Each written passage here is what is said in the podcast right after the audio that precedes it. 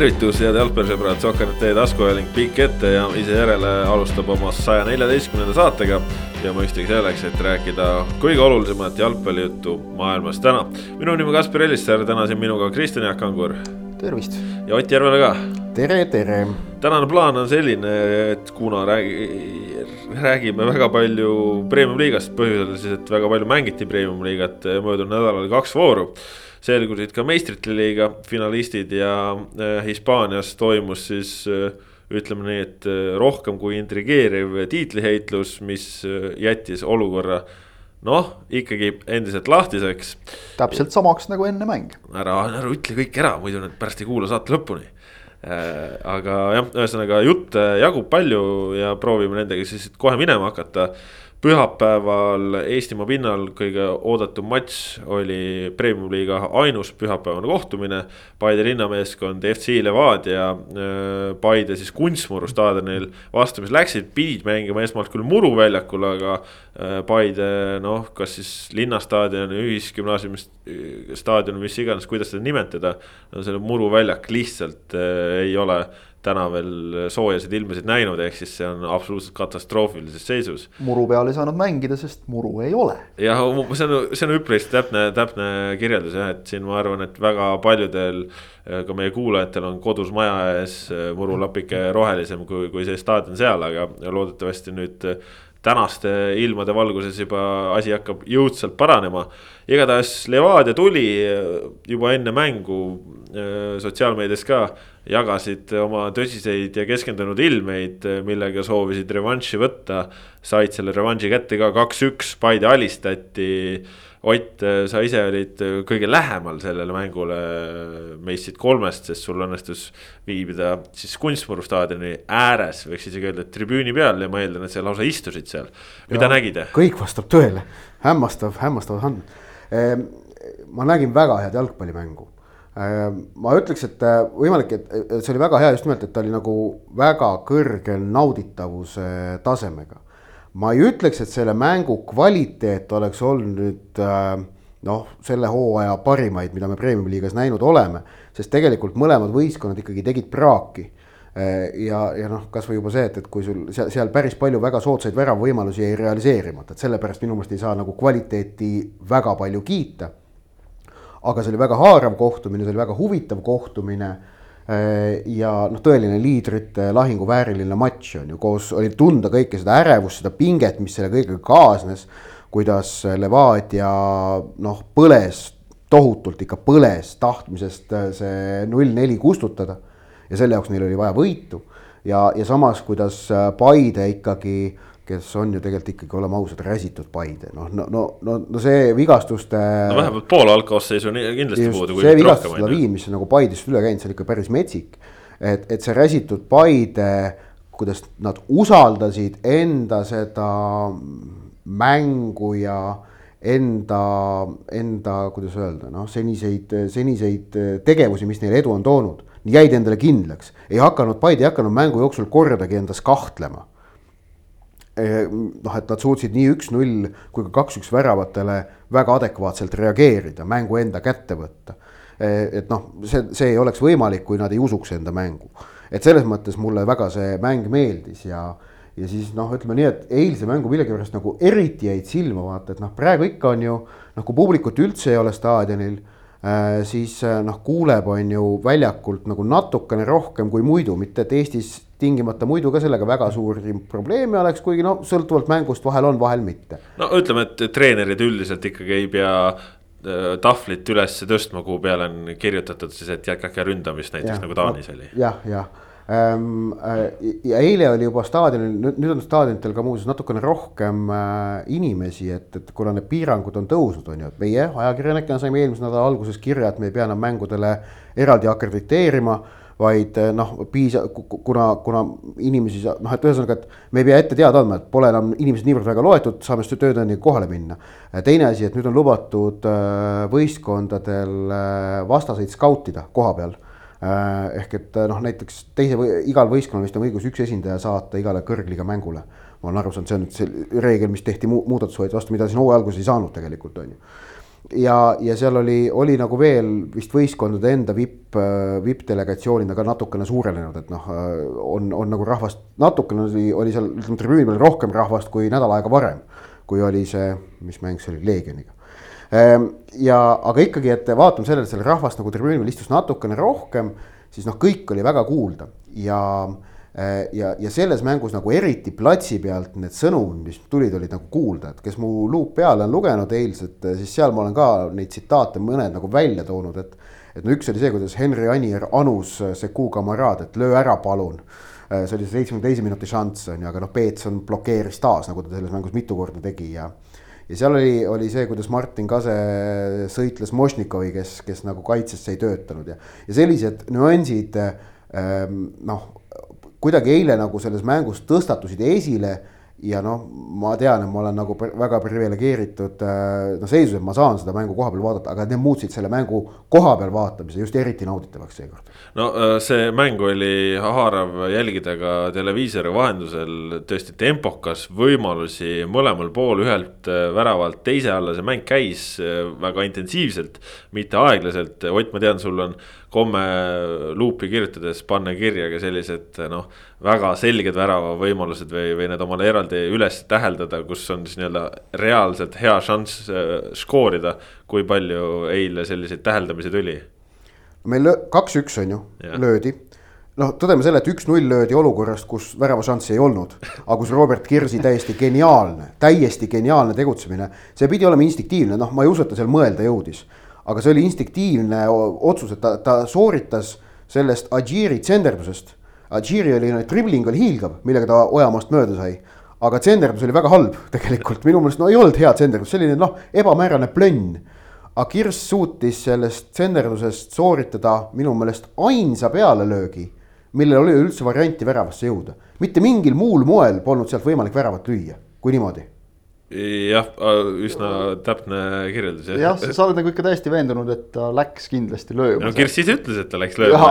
No, no see tähendab, ma pakun seda, et, et. no sa proovid palli kuidagi värava poole lükata lihtsalt. tal ei olnud aega mõelda, see oli instinktiivne tegutsemine ja, aga instinktiivsus ei tähenda tingimata, et seal ei ole mõtet, et selle mõte võib nagu inimese peas kuidas öelda, noh, vormi võtta ja selguda, pärale jõuda alles pärast seda tegevust. ei no, noh nagu, nagu Kirsi, Kirsi ütles, et. see on ründaja tunnetus no,. ründaja instinkt ütleme. ta ütleski, et ründaja asi on minna esimesse posti ja sealt ja. suunata palli kuidagigi värava suunas, noh täpselt seda ta tegi. jah, ja et ja noh, see oli ainuke variant sealt värav lüüa, noh tegelikult ma noh, mul on väga keeruline näha, et meil löödaks maikuus mingi parem värav Premiumi liigas kui see tegelikult ka no see on geniaalne värav tegelikult noh, ja, ja noh, ründeinstinkti niimoodi minu meelest nagu seda tuleb ülistada ja see oli super värav, null võimalusest tegelikult peaaegu noh, ma ei tea, kahe protsendi võimalus.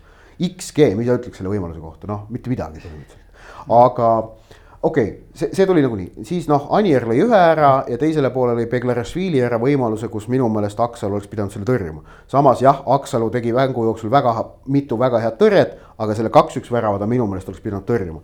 ehk et, aga veel Levadial siis selged šansid olid Zakaria üks-üks kohe kuuendal minutil, mille Aksalu ära võttis. penalti, penalti jätkulöök.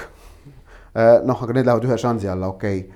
Äh, ja siis tegelikult ka kaheksakümne viiendal minutil, kui Kirss oli üks-ühele äh, ja Aksalu ära võttis. Need, need, need ma paneks kirja. siis Paidel lisaks sellele, mis Anir ära lõi, oli Palumetsal seal esimese poole lõpus, mille Peetson blokkis Peetson blokkis ka Kamara löögi seitsmekümne teisel ja ka see kaheksakümne seitsmenda minuti šanss tegelikult, kus Kamara jälle oli, jälle Peetson blokkis et.... lisaks Mööl ju ühe korra pani Valneri ka päris tugevalt seal. jah, ja, ja, ja see oli esimese poole lõpus jah, kui ja, Mööl, Mööl driblas ja lõi, aga seda ma nüüd ütleme kindlaks väravaks ei pane. ja seal pärast seda, et noh, võeti Kamarale viga Podholjuzini vastu, et see postilöök, mille Kamara sooritas, see enam arvesse ei läinud ja viga oli selge ja aus, et seal oli kõik nagu õige muuseas, minu meelest Martti Pukk vilistas täitsa hästi seda mängu, ma siin ütlen, ütlen selle asja vahele ära, et see oli ilmselt selle hooaja üks keerulisemaid mänge kohtunikele üldse.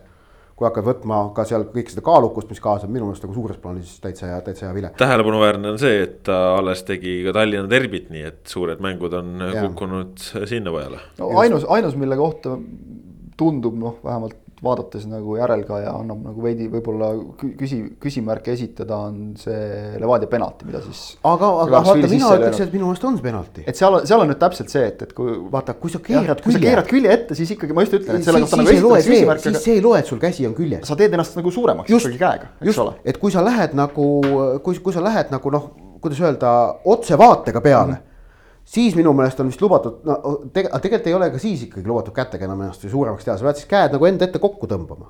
no see oligi vist Krolovi äh, argument, et tal olid käed enda ees, aga ta keeras nüüd küljega palli just. poole, mis tähendab, et käed nagu suurendasid keha. just, kui sa oled küljega, siis su käsi käe normaalne asend on külje peal, aga see käsi oli tal enda ees. minu meelest see oli nagu penalti, minu meelest see oli aus. mina ei ole, mina ei oleks andnud, ma ütlen, et see nagu ta oligi, tal on käsi on nagu nii vastas, ta üritab ju kätt veel ära ka peita kuidagi tal siin see noh, ega see kordus on ka selline, et see pall läheb kuskil seal külje ja küünarnuki nagu. seal, see on juhtnöörde järgi, see on penalt. seal tekibki vist nagu just see arusaadav noh, nagu emotsioon, et, et ma, ma ju üritan panna käsi keha vastu, et teha ennast nagu väiksemaks, aga külje ette keeramisega sa jällegi teed nagu. tegelikult ennast suuremaks. suuremaks, et noh aga seal on, seal on argumente täpselt andmise ja, ja mitteandmise vastu, see on täpselt selline penalti minu meelest, mille kohta öeldakse, et noh, kui kohtunik annab okei okay,, võib aru saada, kui ei anna, võib ka aru saada. aga šansside järgi, selle algjutu juurde tagasi, oleks see mäng võinud olla kolm-kolm rahulikult mm. -hmm. šansside lõik, aga samas on tõsi ka siis see, et oleks Beglerasvili penalti ära löönud, siis noh, kaks-nulli kaheväravaline eduseis oleks seda mängu ilmselt mõnevõrra teistsuguselt kujundanud mm. -hmm. Nõus sellega jah aga oligi selles mõttes oli ju huvitav näha kasvõi see, kuidas noh, Levadia tuli ikkagi väga suure survega peale. Äh, ma ütleks, et Levadia mäng oli sirgjoonelisem, kui me oleme harjunud nägema. Äh, see, see töötas selle nurga alt, äh, nad olid väga hästi mängus sees, kuni sellesama Mihkel Aksalu penaltitõrjeni ja, ja jätkutõrjeni, mis siis andis Paidele nagu uue energia.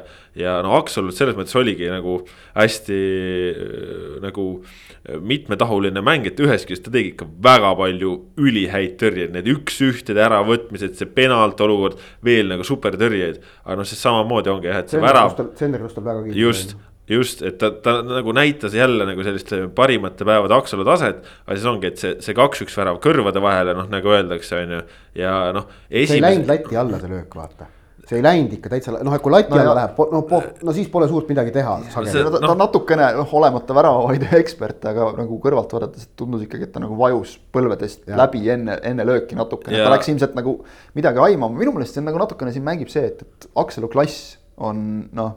et sa ootad talt rohkem vist jah? ja mm. kõrge, aga ärme unustame seda, et, et tema mängupraktika on ikkagi võrdlemisi napp, seda võis näha koondise mängudes, seda on olnud nüüd näha, ta oli ju jälle vigastusega väljas ja noh, igasugused sellised oli vist mingi küljelihase vigastused yeah,, asjad yeah., need on siuksed hästi vastikud asjad, et need tekitavad sinus ka võib-olla nagu mingi väikese noh, ploki nagu, et neid ühesõnaga neist nagu üle saada on keeruline. ja noh, selle, see üks-null värava puhul ka ma seal noh, ma ise tegin laivi, siis ma esialgu reageerisin nagu päris jõuliselt, et, et mida Aksalu tegi, noh, seal.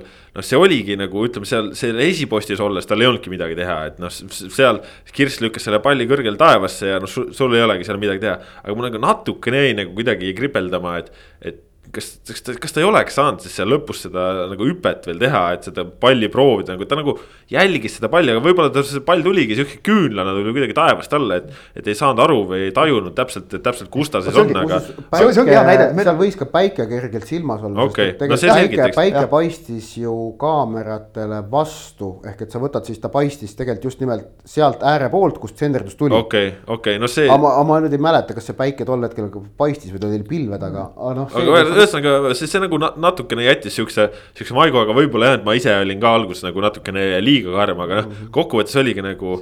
et ühest küljest on nagu nii palju häid tõrjeid, aga siis jälle nagu. No. see ongi see, mida sa just ütlesid enne väga hästi, et lihtsalt me, me eeldame talt nii palju, sest ta on ja. niivõrd kõrge klassiga väravamaht. absoluutselt jah see, see, see, see, see, see on, see on heade mängijate taak vist ilmselt. paraku jah, et, et noh, selge on see, et nagu tema taha selles mängus midagi. ei, absoluutselt, absoluutselt. ta, ta päästis rohkem kui need väikesed nõus, asjad, millest me praegu räägime. aga no mis on ikkagi märkimisväärne, on see, et Paide ja üldse tegelikult väga mitmed premium-liiga klubid sel hooajal mängivad taktikaliselt väga mitmekülgselt ja julgelt. ja, ja Paide siis ka tuli kolmese tagaliiniga, Rasmus Kallas jälle algkoosseisus ja, ja suures mängus nüüd siis algkoosseisu esimest korda ja no ei olnud nagu suuri probleeme. Seda No on äge vaadata juba, juba eelmisel hooajal ütled, et suuri probleeme ei olnud, aga samas mitte üks-üks olukorda Levadial oli. Ja see on kaitseliini no- kollektiivne probleem noh, on see, ju. see, see ju just, no see, seda küll, seda küll jah, aga nagu me ütleme, kui me ma mängu vaatasin, ma, ma, ma ei näinud, et nagu üks vend oleks seal nagu totaalselt põlenud. jaa, ei, see on nagu pigem noh, et äh, süsteem, see väike. me räägime noortest kuttidest Levadia vastu, eks ole Jah, Jah. no, jah, just see, mulle, mulle meeldib see, kuidas Paides usaldatakse neid, et see ei ole see, et sa saad kuskil seal tabeli viimase vastu oma mingi ja järjest erinevad vennad. just, vaid, vaid no ja tegelikult kuidas need poisid muud moodi karastuvad. ja, ja on Sapp, saanud võimaluse, on Aer saanud võimaluse. No eelmisel aastal juba, eks ole. Palumets on põhimees. Kokla vahepeal mängis on ju, kuni nüüd sai vigastada eks. ole, eelmisel aastal, et noh, ja, ja samas on nagu Pelt on hea näide ka sellest, et jällegi kõrgenenud nõudmised. et eh, siis sa pead ka hakkama saama sel tasemel ja stabiilselt. Kallas mängis Pelt, kes oli eelmine hooaeg Paide põhikaitsja, oli eile pingil. koondises isegi oli Pelt jah, mäletame. Et äh, jah, ei need asjad on muutunud, aga, aga Levadia puhul ka ikkagi noh, ütleme nii, et äh, oli vigade parandus tehtud ja, ja tegelikult äh, noh sisu näidati kõvasti ja seda, seda sisu sinna jagus, nüüd eraldi küsimus on ikkagi vigastuste peal. Maksim Podoljuzin pidi ka välja tulema, et kui hull see asi seal on. noh, Ilja Antonov vasakkaitses, Miljan Ilitsit asendas, ei tundnud ennast liiga mugavalt seal ütleks. ja, ja noh, Markus Jürgenson sai siis nüüd äh, kaheteistkümnendas voorus oma esimese premium-liiga mängu kirja, pidigi vahetuses sekkuma, et. selliseid koosseisulisi asju on, on tõesti päris huvitavaid ja, noh, ongi, et jällegi. Siin äh, Robert Kirss on järsku tõusnud Levadia esiründajaks ja tegelikult ju hästi, et kaks mängu järjest väravat löönud, on ennast õigustanud. nüüd oli Krõstevski pingil on ju, nädala keskel oli Anier pingil ja nüüd siis nad vahetasid, et kumb puhkab, on ju, et selles mõttes neid äh, nüansse, mida jälgida, on tegelikult ikka päris palju, päris põnevaid. jah, Levadia eilne, no minu arust põnevaim asi, mis eile Levadiaga juhtus, oli siis ikkagi see kaitseliin, millega nad mängu lõpetasid. et, et noh, kui nad alustasid ju noh, niimoodi, et sellest põhikaitseliinist oli no parem kaitsepositsioon on neil olnudki noh, tegelikult niimoodi, et seda on täitnud väga mitmed mehed seal nagu põhimeest. No no, Peetson ilmselt on esimene valik ikkagi ma, vist. ma, ma ütleks, et seal on äh, pigem nagu mängu iseloomust, et kui Ja. on selline sirgjoonelisem vastane, siis on, on ta Peetson, kui on selline mäng, kus on vaja mängu ülesehituses rohkem jõudu, siis on see Antonov noh. no.. Aga no eile siis ju mäng lõpetati kaitseliiniga Antonov, Dolordava, Peetson. Jürgenson. Jürgenson, noh Jürgensonil hooaja esimesed minutid, Dolordavale esimene põhikoosseisu mäng. kas ei, teine. ühe, ühe mängis veel vahel teine, teine jah. noh, Peetson mängis keskkaitses esimest korda või noh, ütleme karjääri jooksul vist teist korda.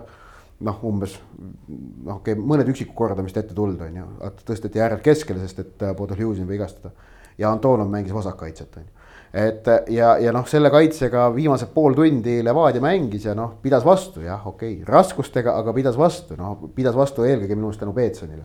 et äh, Dolordava ei jätnud muljet, ütleme niimoodi. ma saan võrreldes. ei jätnud ka nagu väga halba muljet.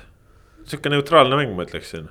jah, vähemalt te- teleri, teleri põhjal vaadata, ma ütlen telekast vaadates me tollal tava puhul ainus asi oli see, et, et kuna Tarmo Kink on haipinud, et, et see mees on nii tugev, et kõik, kes selle vastu jooksevad, kukuvad pikali, siis. minu jaoks lihtsalt huvitav näha, et kui Dollar Tava jooksis vastu Henri Anieri, siis kukkus pikali mitte Henri Anier, vaid Dollar Tava ise, nii et no see oli aga noh. kas meil on Premium liigas mõni mängija peale Henrik Ojamaa, kes Henri Anieriga kokku põrgates ümber ei kuku võib-olla mitte tõesti jah. ja eh, aga ma hakkas arvan, arvan, et mõni, mõni neist äh, tahab ise vastu vaielda praegu, et kindlasti las on neid, kes väljakutse tahaks esitada ja, Anieril.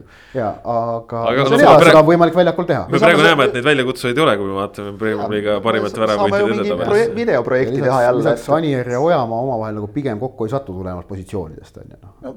noh, kui, kui ükskord see Paide ja Flora omavaheline mäng tuleb, noh küll nad siis üksteist tervitamata ei jäta noh. ja, ja ma arvan, nad saavad seda omavahel nagu heade sõpradena harjutada kuskil. Dollar Tava puhul okei okay,, üks asi on selline täitsa nagu ebaoluline detail, aga mis oli nagu noh, mõnevõrra amüsantne jälgida, et iga kord, kui ta õhuvõitlus läks, ta karjus enne kui ta palli lõi.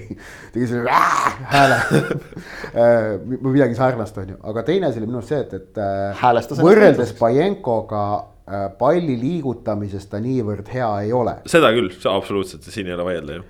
ja, ja aga noh, et eks ole nüüd näha, mis Podholjuzini vigastus on. mis, kas see oli midagi tõsist või mitte.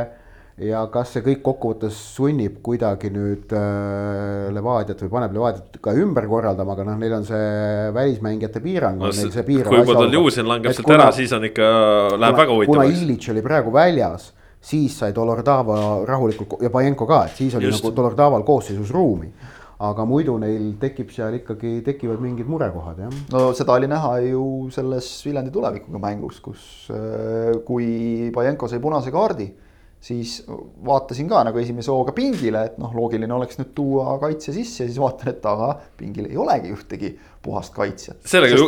sest seal oli täpselt, seal oli välismängijate piirang ja Dolordavat pingil ei olnud tolles kohtumises. kui on kolm keskkaitsjat praegu, no tähendab, kui on noh, Levadia on võtnud taktikalise otsuse, et nad keskkaitsjat pingile ei pane tegelikult, minu meelest enamikes mängudes keskkaitset pingil ei ole. noh, sellel jah, et sa välis, välismaalast ei hoia. jah, jah, jah, et sa paned sinna Jürgensoni, kes noh, kui väga vaja, mängib keskkaitse ära tegelikult, aga noh, pigem sa tõstad siis on ju Lepistu keskele või midagi muud sa saad teha. jah, või, või Peetsoni nagu, nagu, nii nagu tuleviku vastu tehti ja noh, ega Lepistu ütles tegelikult ka õigesti, et kui sa oled noh, nagu kaitsvat poolikut mänginud, et noh, ega seal keskkaitses nüüd nagu väga teistmoodi ka ei ole jälle mm -hmm. nagu, et et noh. eksida, eksimisruumi on vähem. eksimisruumi on vähem, aga, aga näiteks Lepistu oli Mäng. väga hea keskkaitse minu meelest tuleviku vastu, et. mängu, mäng liikus kenasti, on ju, pall liikus kenasti. see, see on... et, et see, seal nagu see asi töötas ja, ja noh, seal, seal ei olnud tegelikult selles mängus ei olnud ju lõpuni õieti aru saada, et äh, Levadia oleks vähemuses olnud. aga siin on nüüd see, et kui äh, me näeme nüüd seda, et kui Podoljužini vigastus on midagi tõsisemat ja kuna see serblasest keskkaitsja, seda ei, tema on ka endiselt vigastatud siis ongi tegelikult ju, et jäävad keskkaitsesse Dolordava ja Pajenko. ja nüüd on siis küsimus see, et kui nagu nendega mängitakse, otsustatakse nendega mängida, mitte Peetsonit tõsta keskkaitsesse. ma võin öelda, kes see kaotaja on. me vist teame jah. ja kes no, on võitja. kas, ei no kaotaja on kas Krastevski või Ilitš ma arvan, Ilits ei ole, ma arvan, et nad tahavad teda ikkagi selle koha peal hoida oma jala ja, ja oma mingisuguste kogemustega, et ütleme, et. Kristevski seal ütleme, et praegu, kui Kirst on tõusnud äh, hetkel siis esiründajaks, siis Kristevski, Anier. noh, ma ei näe, et äh, see, see, ma arvan, otsus tuleb, sünnib pigem nagu lihtsalt, et Kristevski jääb siis välja ja, ja Anier on. aga järgmine mees, on... järgmine mees on kindlasti Ilits ja Žurahovskit nad pigem ei taha koosseisust välja jätta. teda ei taha jälle. Žurahovski on see... lihtsalt, Žurahovski loovus vahetusest sekkudes on niivõrd oluline. no me, mees et... annab Rabonaga sööte, et see sihukest venda sa ei jäta täpseid sööte kusjuures. no aga, aga see, kui sul noh, ütleme, aga noh, siin oleme ausad ja räägime nüüd nagu noh, nii nagu asjad on, siis Ilitš ja Kristevski on väga selgelt Marko Savitši vastutusel.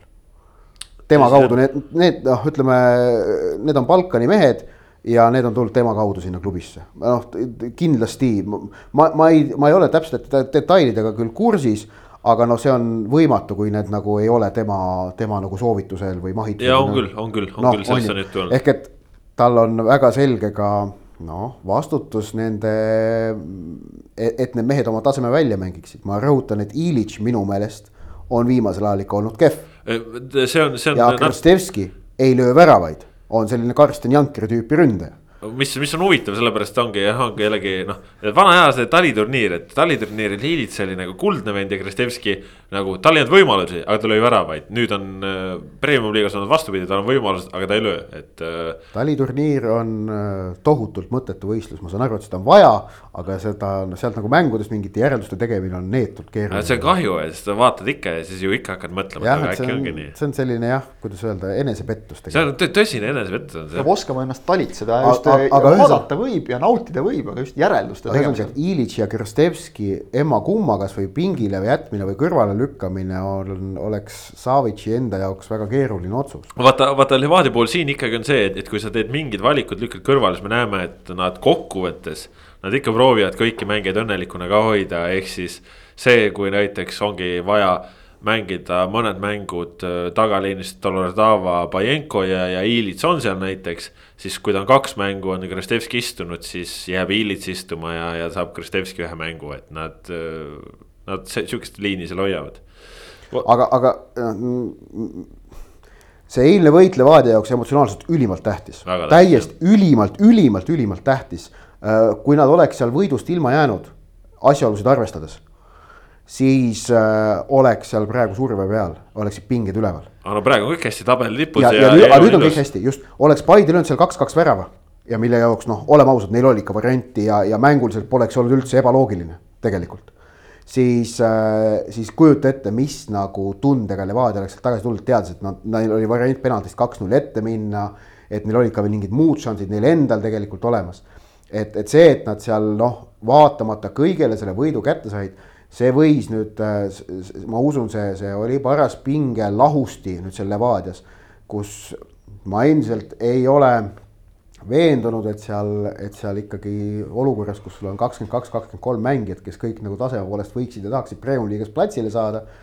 et, et seal need pinged paratamatult tekivad, aga muidugi. head tulemused teatavasti sääraseid pingeid kõige paremini lahutavad. absoluutselt, nii ta on. eriti arvestades, et nagu sa ütlesid ennast enne mängu niimoodi üles köeti Ja, see on no, selline väga-väga riskantne asi. emotsionaalne investeering oli tohutu sinna mängu et kui see, seesama foto, mis, mis pandi, noh, see on ühtpidi, see on jube äge.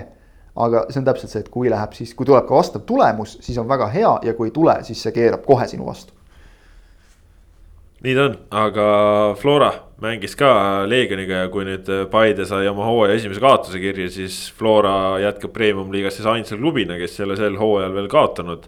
mängisid A Le Coq Arena'l Tallinna Leegioniga ja noh, ütleme nii, et siin jälle erinevaid hinnanguid, kes kui hästi väljakul toime tuli. ma ütleks ise, et Leegion mängis väga tublisti, aga nagu on tavaks saanud, siis Leegioni tubli mäng suurte vastu tähendab seda, et nad lihtsalt mängivadki tublilt. sest punktid lähevad ikkagi suurele ja hetkel siis olid otsustajad Raunod, Zappinen ja, ja Alliku. no Alliku otsustas siis no, nädala jooksul juba teise mängu. jah ja natukene ütleme alliku otsustamisel ikkagi aitasid Leegioni mehed ise ka kaasa. jah, kuus mängu, kõik kuus mängu, kui nüüd loome Kalju ka nagu sinna, sinna hulka suurtega, on no vaatame praegu tabelisse, siis esikolmik on natukene nagu eraldi, eks ole, aga et noh, loeme Kalju ka sinna. kõik need kuus mängu on Leegion mänginud hästi või isegi väga hästi. aga üks punkt on tabelis neist mängudest. et seda ütles Deniss Belov pärast mängu ka õigesti, et ega noh, me, me ei mängi mängu ilu peale, me ei ole tulnud mängima, me mängime punktide peale ikkagi. kümne mänguga üksteist punkti on vähe. ja noh, peabki olema, see on õige suhtumine. aga selles mängus väga lihtne, kui Rauno Sappinenil on äh, põhimõtteliselt noh, kogu mängu peale ütleme poolteist väga head võimalust värava löömiseks. ja ülejäänud osa mängust on sisuliselt varjus. aga selle esimese ta lööb ära tänu oma suurepärasele liikumisele, millega ta vabanes kahest kaitsjast. muidugi ka Konstantin Vassiljev ja Hendrik Ojamaa hea eeltöö tulemusena. aga ikkagi noh, nagu väga hea ründaja, väga hea värav. väga täpne löök, mis väravavahile võimalust ei jäta, väga raske löök. siis äh, see, see ongi see, see, see vahe praegu lihtsalt ja samal ajal oli kui me nüüd loeme siin neid väga häid väravavõimalusi, siis ma ütleks, et neid oli selles mängus Leegionil rohkem. nõus aga kui Kirill Nesterov teist mängu järjest jätab noh, ütleme ikkagi sisuliselt sajaprotsendilise löömata. ja selliseid olukordi veel tuleb, Nikita Andreevil oli ka päris halb päev, nagu võib kinnitada üks A Le Coq Arena reklaamplakat kindlasti. jah, Rami Rent ei ole väga rahul. jaa, Rami Rent sai väikse tutaka, aga noh, see oli selline normaalne frustratsioon ennekõike enda peale, mitte treeneri peale, et välja võeti, vaid, vaid enda peale, et ma ei löönud ära neid olukordi, Andreev teab ise väga hästi, tema klassiga mängija ei saa lüüa kuskil viie kasti joone peal sisuliselt pallist mööda. kas me siit te, te, te, teeme järelduse, et Andreev nagu lihtsalt nagu päeva lõpuks tahtis millelegi pihta saada või? põhimõtteliselt ma, ma teen ettepaneku edaspidi, et kui me näeme olukordi, kus äh, frustreerunud mängija äh, lööb jalaga reklaamtahvlile augu sisse siis me hakkame seda nimetama komposteerimiseks see on nagu noh, et sa nagu teed, kuna sa putsakorkidega noh, see on nagu vaata sõidu, bussipiletid pidid kunagi nagu kompostrist läbi lükkama. et see on tegelikult tegemist siis jah, sellise mulgustamise ehk komposteerimisega. mulgustamine, mulgustamine on väga ilus eestikeelne sõna kusjuures. aga sellest jah, ütleme jäi vähemalt minu meelest jäi Andreevile natukene puudu, et jah, sai sihtmärgile pihta. aga nii lihtne ongi. see muidugi see banaalne tõde, eks ole, et sellistes mängudes otsustavad detailid, iseküsimus on see, et noh, kui palju nüüd värav, kui palju nüüd värav on üldse nagu detail, et see on päris oluline asi jalgpallimängust, aga sellest on puudu jäänud. sellest on puudu jäänud Leegionile, kui sa paned sinna juurde sellised eksimused nagu Artjom Martjunin, kes muidu tegi väga hea mängu. nagu ta tegi, millest tuli kaks-null, see tõmbas korraks masti maha Leegionil, müts maha Leegioni ees, et nad suutsid ikkagi lõpuks kaks-ühe tagasi lüüa ja, ja noh, see jättis neile nagu ka sellest mängust mingi hea emotsiooni, et me vähemalt võitlesime lõpuni noh, mänguaeg sai enne lihtsalt otsa, see, see tegi Flora närviliseks küll, aga nende õnneks oli see juba üle minutitel või üheksakümnendal, et noh, seal ja. ei olnud palju aega enam mängida. aga Legion on mänguliselt äh, täiesti, seda võib nüüd küll juba öelda, kuus mängu, viis-kuus mängu on piisavalt suur valim, et täiesti nagu nende ülejäänud tippmeeskondade tasemel. Lihtsalt äh, võimalused tuleb ära lüüa, nii lihtne ongi, muud muud midagi ei ole neile ette heita, et neil nagu meeskonna tasakaal, nagu me oleme vist juba varasemates saadetes ka rääkinud, see on nagu väga paigas, et nagu Deniss Belov ütles ka, et mul ei ole selles mõttes ühtegi murekohta väljakul. hea väravavaht, mis on selles mõttes nagu he, väga hea tõmme. kuu parim. kuu parim ja põhjusega. hea väravavaht selles suhtes, et välismaalt väravavahtide toomine, toomine ei ole väga Eesti klubidel. seejuures varu väravaheks toomine, sest kogu jutt talvel oli ju see, et Pavel Andok on number Just. üks ja, ja Baturits on ennast väga heast küljest näidanud. Olberkise näol on kaitses kindel mees olemas, et selles mõttes need on sellised viimase hetke tõmbed, aga läksid täppi. Noh, poolkaitsjad Sander Purist me oleme juba rääkinud, eks ole, ja, ja kõigist teistest, kes talle selle katet pakuvad. jube äge oli vaadata ikkagi nende pealt kolmekümneste meeste noh, nagu sellistes mängudes löövad need kogemused välja, nende tegutsemist ikkagi noh, okei okay,, see ei olnud otsene duell, aga Vassiljev, Dmitrijev keskväljal, kusjuures noh, Vassiljevi klassi me teame, aga no, üllatas just. no kes ei näinud Sanja Dmitrijevit, siis. Äh, üleasted, äh, kannasöödud, kehapetted, kehapetted, äh, niimoodi nii, pööretega saatis kohvile vendasid, et noh. muidu, muidu siin viimasel ajal väga hästi. sa ei usuks, kui sa ei näeks. väga hästi mänginud Markus Poomil on noh on, on õppida veel, aga see on, ma arvan, et ta naudib ka, et see ju arendab, kui sa selliste vendade vastu mängid, Sander Puri samamoodi, tal on nagu mingi täiesti teine noorus jätkuvalt peal, et äge on vaadata seda. Aga samas mina vaatan nüüd seda, et Florel oli nädala jooksul kaks mängu, kus nad kummaski ei mänginud teab mis hästi. ei Kalju vastu ega Leegioni vastu aga mõlemast äh, võtsid nad kaks-üks võidu ja kolm punkti ära. ma ei tea, kas isegi nüüd Leegioni vastu, kas saab öelda, et Flora ei mänginud hästi, et noh, nad mängisid nagu ajasid no, oma asja, aga. tegid oma tasemega mängu ära, on ju, aga nad, nad, nad ei mängi ju praegu head no,. enda sta, enda standardite järgi. jälle me jõuame seda täpselt selleni, et enda standardite järgi latt on niivõrd kõrgel, et jah, suurepäraselt nad ei mängi. ma ütleks, ma ütleks ühe asja Leegioni kohta veel ära, minu arust äh, nende praegu natukese mured on äh, võimendunud sellest ja Andreejev on, omaenda enese enesekindluse kaotanud sinna et ta on võtnud need totakad punased kaardid. Äh, enne seda ta lõi. ühe punase, teine oli võistluskeeld oli kollastega. jah, aga, aga noh. noh, totakad kaardid. tulid samamoodi. saada ründajana nii kiirelt kollastega võistluskeeld. tulid samamoodi on ju, et, et ta oli enne seda oli väga heas rütmis, aga nüüd see on minu arust tal selle nagu rütmi kõikuma löönud ja ta ei ole nagu päriselt tagasi olnud, tal oleks vaja siin nüüd ta... mingit paari head väravat, et ta saaks selle kindluse uuesti ja see praegu kuni Andreejev on selline natukene ligadi-logadi, sest noh, Kirill Nesterovi enesekindlus on ammu ammu nullis ja, ja Maksim Pussjev sai uuesti vigastada. ma arvan, et Andreev, Andreev sai tõenäoliselt ka natukene selle eest vastu pead ikkagi noh, teades nagu seda kultuuri, et ilmselt tal on see tõestamisvajadus praegu ja see on krampi pannud äh, paremadki mehed. aga jah, väravaid peab tulema Leegionil ka keskväljalt, et nad, äh, see, need noh, väravad tuleb jaotada ühtlasemalt äh, mees, meeste vahel ära. Leegioni kaitsjad pole seni vist ühegi väravagi panustanud ei, ole, ei tule ette küll praegu jah. jah, et noh, et aga noh, sul on vaja sealt aeg-ajalt mõnda väravat, sul on vaja, okei okay,, puri on löönud nüüd. nüüd, nüüd, nüüd lõi. varbaga. aga, aga noh, ääreründajate pealt pole ju midagi tulnud. Pole tulnud jah, no ja, ainult, on... ja, ja kui palju on Nesterov ilmad, noh okei okay,, Šapovalov ääre pealt mängides lõi ju jah, okei okay,, aga noh, Šapovalov, tegelikult me võtame teda nagu ründajana. temal on ka nüüd püss nagu kinni jäänud. on jäänud jah et, et noh. oli, oli üks väga hea võimalus raiskas ja, ja seal ju tegi nagu väga ebalevalt läks lööma, et okei okay,, see, et ta ära ei löönud. aga see just, kuidas ta ära ei löönud, see oli just selline, et jälle mingi sihuke vibra oli sees nagu. aga Flora puhul siis noh, minu jaoks oli muljetavaldav see, kuidas Flora reageeris äh, Kalju vastu sellele üks-üks väravale. et kui Kalju oli jäänud äh, vähemusse ja sai penalti äh, ja, ja noh, lõi selle penalti ka ära siis see, kuidas Flora suutis ennast mobiliseerida selleks viimaseks kümneks, viieteistkümneks minutiks. kuidas Henrik Ojamaa võttis väljakul liidri rolli, noh nõudis endale ja vedas sellega välja. kuidas vahetusest tulnud Rauno Alliku ennast noh, väljakul kohe kehtestas ja, ja noh, Sten Reinkordi sekkumine oli ka hea et, et see nagu näitas Flora taset, kuidas nad äh, keerulises olukorras lühikese ajaga suutsid ennast kokku võtta ja selle värava ära lüüa. Nad mängivad targalt ja kannatlikult ja, ja see on mu arust edu võti. jah et äh, nende, nad ei hakka rapsima, ükskõik mis olukord väljakul on, nad teevad nagu oma asja.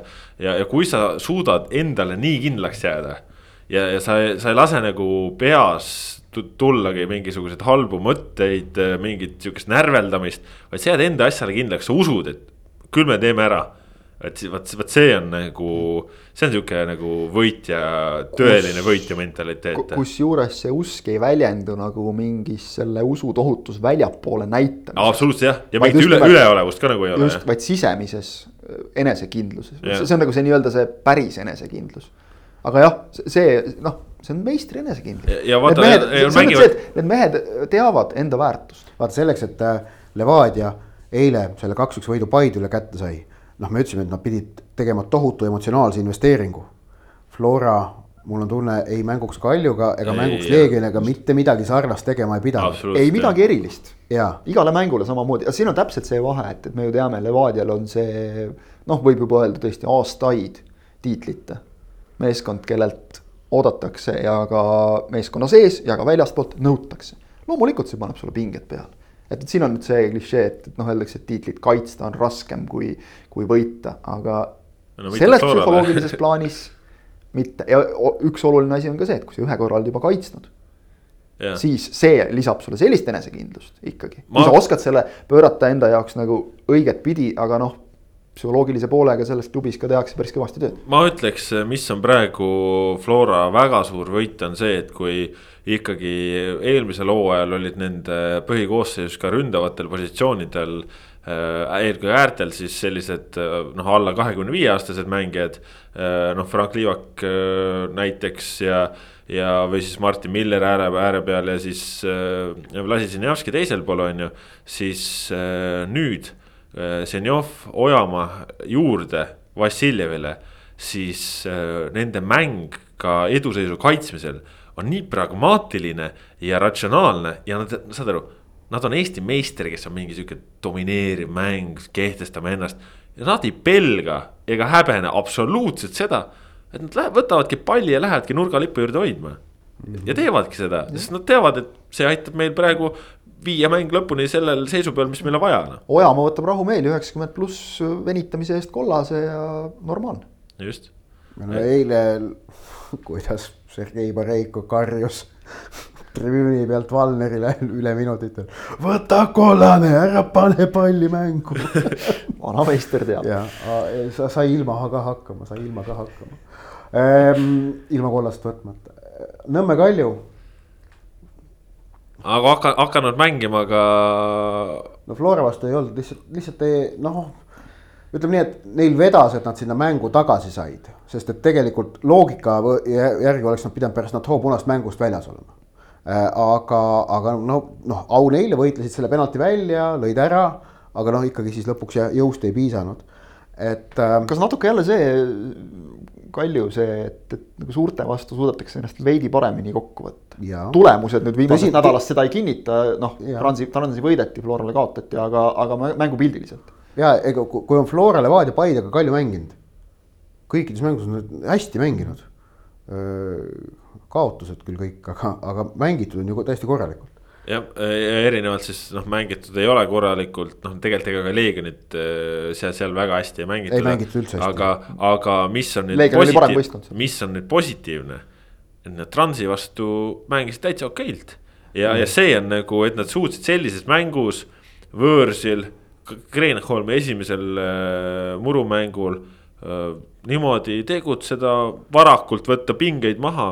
Noh, see on ikkagi, et Kalju nagu kuidagi hakkab ärkama olukorras, kus siis tegelikult oli ju mehi puudu kõvasti. jah, ja, ja noh, kogemused jällegi, seal on ikkagi on piisavalt palju mehi, et, et see, see on nüüd see, et kui sa nagu leiad selle enesekindluse siis selle pealt sa saad võita just selliseid, selliseid mänge, et noh, Trans tuli ju nagu ka siukse hea tuhhi pealt, et noh Tammeka vastu kaotusseis võiduks pööratud, seda oli ka seal emotsioon, kui emotsionaalselt äh, Aleksander Zakarljuka seal näiteks väravat tähistas ja meeskonda käima tõmbas ja, ja tuligi teine kohe otsa, et noh, me teame, et Rans on ka väga selline parimas mõttes emotsiooni pealt mängiv meeskond. aga see, et Kalju läks ja nad kohe maha surus, müts maha, noh, see on see, mida Kalju peab praegu tegema ja tõesti ilma Amir Nadha abita kes siis sai ka käia Ida-Virumaal, aga natukene teist. lühem sõit. jaa, lühem sõit, just. Ja, ja päris murule veel. ja noh, nagu kes, kes selle maha magas, siis see oli ikkagi karistusretk, et äh, Sergei Frantsev ütles Ott sulle juba kolmapäeva järel, et no,. Ka, ka, kavatseb selgeks teha, et selline meeskonna altvedamine ei ole okei okay.. täpne sõnastus seal... oli vist, et ma kavatsen teha kõik, mis minu võimuses. et ta saaks aru, jah. aga tegelikult on see, et see NATO viga, mille eest ta eemaldati, et seal oli, see oleks võinud ka otse punane olla et see seal, seal noh, et, et ta sai teise kollase kaudu noh, okei okay,, tegelikult võid samasti ka otse punane et see oli. no rumal ja ebavajalik asi. täiesti arulage, täiesti arulage. keskjoone juures, küljejoone juures minna tagant ja. nagu jalad eest no,. ja, ja samas on, ja samas on see, et jah, NATO oli väga loll ja vedas võistkonda alt selles mängus Floraga teda nüüd karistati, siin nädalavahetusel saadeti esiliiga B-sse ja samas Kaljul on teda väga-väga vaja, sellepärast ilma temata nad, no ma, no on keer-. no on jah, mängivad halvemini küll jah. noh, ta, ta on, ta on ikka nii ja, ja ma olen mõelnud, et mis see nagu ikkagi nüüd võiks olla variant, et kuidas nagu NATO seal mängu paremini sisse saada ja ma endiselt tulen tagasi sinna, mida ma olen ka rääkinud. Mark Edur põhikoosseisu vasakkaitsesse see vabastab sul vasakkaitses Kulinitši, kelle sa paned paremkaitsesse ja tõstad Markovitši sealt kaitsvaks poolikuks. ja keskväljal, kui Markovitš ja su, NATO mõlemad on ja kas sa siis, kas sa tahad seal kasutada kolmandat poolikut ka või mängid kahe ründajaga, see on juba omaette teema. aga Markovitš, NATO kooslus, vot sellesse minul on usku, need on mõlemad sellised, nad on nagu samal lainepikkusel mängijad, on mul hea mulje ja nad nagu klapiksid teineteisega. seal on nüüd asi, mis ei meeldi Frantsevile selle lahenduse puhul on see, et tal jääks seal keskväljal, siis jääks nagu jõudu sellist robustset jõudu võiks jääda vähemaks. no aga sa võid ikkagi kolmanda venna sinna ju ka jätta. jah, sa võid Subbotini sinna jätta ikkagi või võid Japkini või mis sul variant on või, või tegelikult äkki isegi. oo, Babitšev.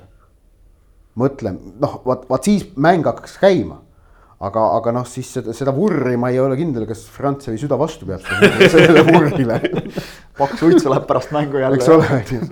et noh, vot see ongi, see on nagu hea näide, et kogu aeg käib nagu mingi lappimine siin noh, hooaja alguses selle KTM-iga, eks ole, noh kogu, aeg nagu kuskilt midagi kompenseeritakse, tamm ääre peal, siis on jälle ja. vaja kuskilt. KTM-i noh, okei okay,. KTM KTM-iks, aga no lihtsalt see, et isegi nagu positsiooniliselt, kui me selle KTM reegli nagu üldse kõrvale jätame, siis isegi pärast seda nagu, kui neil on kaks KTM-i algkoosseisus. kogu aeg on nagu mingi maletamine. Nagu kaitseliin on nagu väga jäik. keegi on puudu, keegi on vigane. midagi noh, kaitseliinis on ikka liiga jäigad need asjad, et noh, et no Vladimir Avilovi puudujäägid ikkagi äh, premium-liiga tipptasemel mängimiseks no, mängus Floraga olid väga ilmsed, no sealt Sapinen keeras teda samamoodi maha. see oli tema, kellelt, kellest äh, Sten Reinkord mööda astus. ja ei no aga Sapinen keeras sellest mängust Kes... samamoodi tema pealt no,. ja aga, aga noh, see, see vaadake no, seda väravat, see on parim näide nagu, kus tegelikult Reinkord äh, lihtsalt noh, ma isegi julgeks öelda, mitte ei jookse mööda, vaid astub mööda. ei, ta keeras maha ta pealt no, jah. aga Narvas jälle aitas, aitas värava lüüa ja punktid tuua noh. no ja ei, noh, see on tore, et ta on selles mõttes rehabiliteerinud, Kuressaare vastu lõi väravaid ja, ja kõik on nagu tipp-topp aga Kalju sellest äh, kogemusest ja tarkusest lihtsalt veel üks hea näide oli, oli see liigutus, mida me näeme väga tihti mängudes, äh, kus on väravat vaja. siis tuuakse, seda on Kalju kasutanud Mikk Reintamiga just, et tuuakse ta sisse, viiakse ette rünnakule.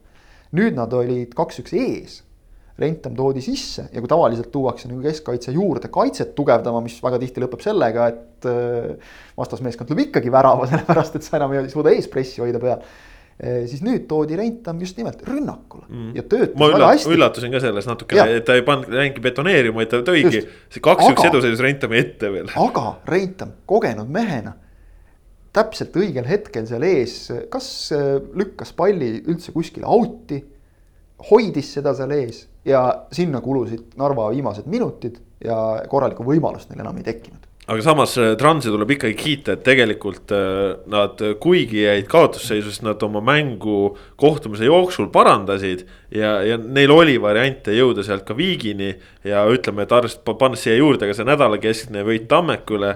siis noh, Trans on ikkagi täiesti soliidne jalgpallivõistkond. aga kas neil on homme Flora vastu šanssi äh,? ei, ei, seda mitte. jah, väga mind, mind väga huvitab. kuigi nad tulevad ilmselt rämeda tuhhiga peale mind väga huvitab, millise koosseisuga tuleb Flora, sest kui hakkad vaatama, siis siin on, Floral on päris paljud põhimehed on, on pannud äh, nonstop üheksakümmend minutit nojah, et kas Henry välja saab poomid, võimaluse. poomid, Millerid, äh, kõik just No, keskväljale no, vaatavad No, ütleme nii, et Jürgen Hennu käekiri on see, et küll nad mängivad. no hooaja No alguses on see- jõuavad küll, küll no- pärast, see on see klassika, et küll pärast jõuab arutada. jah, et noh, seal on noh. sellest sõltub minu meelest väga kas, palju. kas, kas Shane saab võimaluse, kas välja saab võimaluse karikamängus, noh emmale-kummale oleks Nad nagu. tahavad ikka finaali jõuda noh. nojah, jah. Ja ma ütlesin, Hennuga seal ükskord eh, pärast intervjuudel ütlesin, et noh, et graafik tihe, et noh, teil on enda võimalus on üks mäng graafikust välja jätta, kui Transile poolfinaalis kaotate, siis karikafinaali mängima ei pea. ei no lisaks on veel see suurepärane boonusvõimalus, et äh, kaotada Transile ja vaadata siis, kuidas Levadia higistab ja muretseb. et siis on üks meeskond kindlasti finaalis. no Jaanus Reitel, tuleviku peatreener, oli eile Paides kohal äh, mängu jälgimas ja, ja noh, vaata, noh, räägime siis teisest karika poolfinaalist ka, mis kolmapäeval tuleb, kus on nagu noh, mis eeldatavalt on põnevam, tulevik Levadia. Ehm, no tulevik ei ole ju hästi mänginud, tulevikul nagu sarnaselt Tammekale on tegelikult vaata, et peaaegu kõik, mis nagu valesti saab minna, tegelikult ka valesti ma, läheb. ma ütleks, ma, ma isegi nagu mingil äh, tasandil korrigeeriksin, et nad on aeg-ajalt väga hästi mänginud, aga nad on täiesti totaalseid, noh, ütleme, et eesti keeles võib-olla see väljend võiks olla ajupeere nagu teinud, et see, mis äh, kaaluga eksimusi on Levadia tõesti mäng. välja imetud, noh, see on lihtsalt uskumatu. Levadia aga... mäng, Levadia mäng parim värskeim näide, sest et äh, tegelikult kaks ühe pealt noh, tuldi nagu mängu tagasi teise poole suht alguses ju. Ja, ja siis hakkasid äh, kaitsjad väga loovalt endale ise ehitama ja ehitasid ära ka, nii et oli, oligi no ehitatud siin, see siin mäng. ongi ilmselt seda Gerdo Juhkumit vaja, kes selle platsi seal puhtaks lööks ja no ütleks, korra majja. ma ütleks, et kui siin sai, sai nagu mängu, mängu kommenteerides arutatud, et kes äh, kes nagu võiks seal. Ruumi teha, siis Babatunde ruumi teha, teeb. siis ütleme, et Babatunde tegi nagu kõva avalduse Gerdo Juhkumile, tahaks et ole hea, tule võta koht üle et, et seal, Aga- aga, aga aga, aga ühesõnaga tu- tuleviku jaoks minu meelest see karikamäng on üle pika aja üks mäng, kus neil tegelikult ei ole pingeid peal. just, ja, just, ja, ja Levadial samas on suured, suured Mm. pinged. on ja, ja samas just nimelt me rääkisime, et nad eile tegid tohutu emotsionaalse investeeringu sellesse mängu Paidesse. Kuidas õnnestub nüüd treeneritel võistkond sellest välja tuua ja noh, panna nad uuesti sama valmis sest et, et noh, see ei ole lihtne, elu, elu on näidanud, see ei ole lihtne. Ja siin just Levad- see on, see erinevus Floraga, kes on need kaks eelmise nädala võitu võtnud ilma selle emotsionaalse investeeringuta ja neil on sellele mängule transiga minna tunduvalt lihtsam Ja kui Le- Levadial mängule tulevikku. ja Levadia mehed lähevad mängule tulevikuga olukorras, kus äh, alateadvuses kindlasti kummitab. kuulge, me võitsime neid kümnekesi ju ka. Ja see on ohtlik. ja mäng on siis Viljandis murul, esimene kord Viljandis murul sel hooajal. noh, soosib, soosib sellist tulevikku. soosib juhuslikku jalgpalli, oleme ausad, et noh, keva-, noh, me nägime seda ju või noh, mina nägin seda, ma loodan, et ei vaadanud seda mängu, see ei olnud väga mõistlik ajakasutus. laupäeval see Tammeka Kuressaare. vaatasin, no, vaatasin. no ütleme nii, et see oli ikka väga vale, et see mäng muru peal mängiti. See oleks pidanud kunstmurul mängitama, see Tamme staadion ei olnud mänguks valmis. äkki Viljandi on, ma loodan, et Viljandi on paremini valmis natukene, ju vist on ka, aga no,. Viljandi võitles endale ju nädala juurde, sest seal Jah. taheti ju ka mängida Just. juba eelmist vooru. aga noh, see, see mäng äh, Tammel murul mängida, see oli, see oli täiesti vale otsus. sellega väljakut kahjustati, see jalgpall, mida seal näidati, noh mi, mida sellega võita oli. Paides tehti väga õige otsus, tõsteti mäng kunstmurule ja, ja mäng oli kvaliteetsem, miks seda ei saanud teha Tartus, noh täiesti mõistetamatu. ma olen väga nõus. täiesti ma olen, ma olen väga nõus sellega, et jaa, õige jalgpall käib päris murul, aga kui ikkagi tingimused ei luba, siis nagu vägisi ei ole ja ka meil on mõtet. olnud, meil on olnud Tõstame- liiga külm kevad lihtsalt, noh. midagi ei ole teha, ilma vastu ei saa, tõsta, tõstame, kui me tõstame nagu vooru või kaks edasi, siis minu, ma küll ei näe, et me sellest nagu nii ei tohutult no A Le Coqil saab mängida praegu, pole probleemi. või see, et Kuressaares on mängitud, kui väljak on korras, andke minna. Kuressaares pidi ka väljakuga täitsa okei okay olema, Jah. noh juba Oli, siis, kui see esimene mäng oli. Oli- oli kui korras. väljak on korras, andke minna, ei ole üldse Jah. probleemi, aga vägisi, eks ole, noh nagu ikkagi. ma saan aru, et nii Paide kui Viljandi on pidanud noh, nagu võitlema natukene ka ikkagi selle nimel, et, et seda mängu ikkagi pidada nagu kunstmurul nagu noh, paremates tingimustes mm. -hmm. siis, siis ei ole vägisi mõtet suruda sinna neid, neid mänge, jah, meil on olnud see tava, et me lähme, eks ole, teisest ringist murule. Trans mängis ju ka, eks ole, see ju esimese, teise ringi esimese mängu mängisid ka. Nüüd mängisid murul, ka kunstil, eks ole aga Väg, vägisi ei ole mõtet teha neid asju. aga tuleb ikkagi rääkida sellest, et Kuressaare on siis ühe nädala jooksul suutnud teha Paidega viigi, mis oli pikalt-pikalt liikumas ka võidu suunas ja nüüd äh, Tammeka allistati ka, ehk siis nädalaga neli punkti ja see Kuressaare, kes oli nädal aega tagasi ikkagi väga palju kehvemas seisus, on nüüd täitsa heas seisus. Ta ka tabeli no,, ka tabelis. punktid tulid ja, ja see on tegelikult ainuke asi, mis Kuressaaret huvitab. Neid muu ei huvitagi tõesti jah.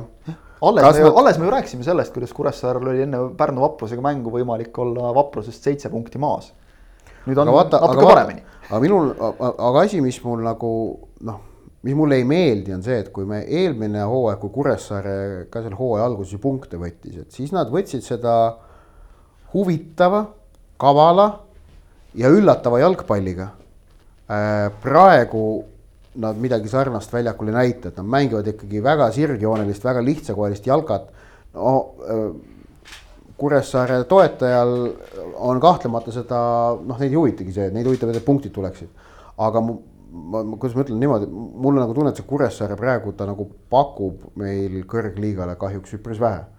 Äh, mis ei, jällegi ei ole üks, ühelgi, üheski mõttes äh, noh, ütleme nii, et Kožuhovski peab tegema peatreenerina optimaalsed valikud ja praeguse koosseisu juures, kus on noh, probleemid on selged, kui sul on. ründajatega on ikka viga, ründajad on järjest vigased, et siis. kui ründajad on järjest vigased, siis see nagu noh, seab väga selgeid äh, mõttekohti. Et, et ta, ta on pidanud selliseid valikuid tegema, on ju ja noh, seal on veel ka muud nüansid, et noh, et kui Soomre.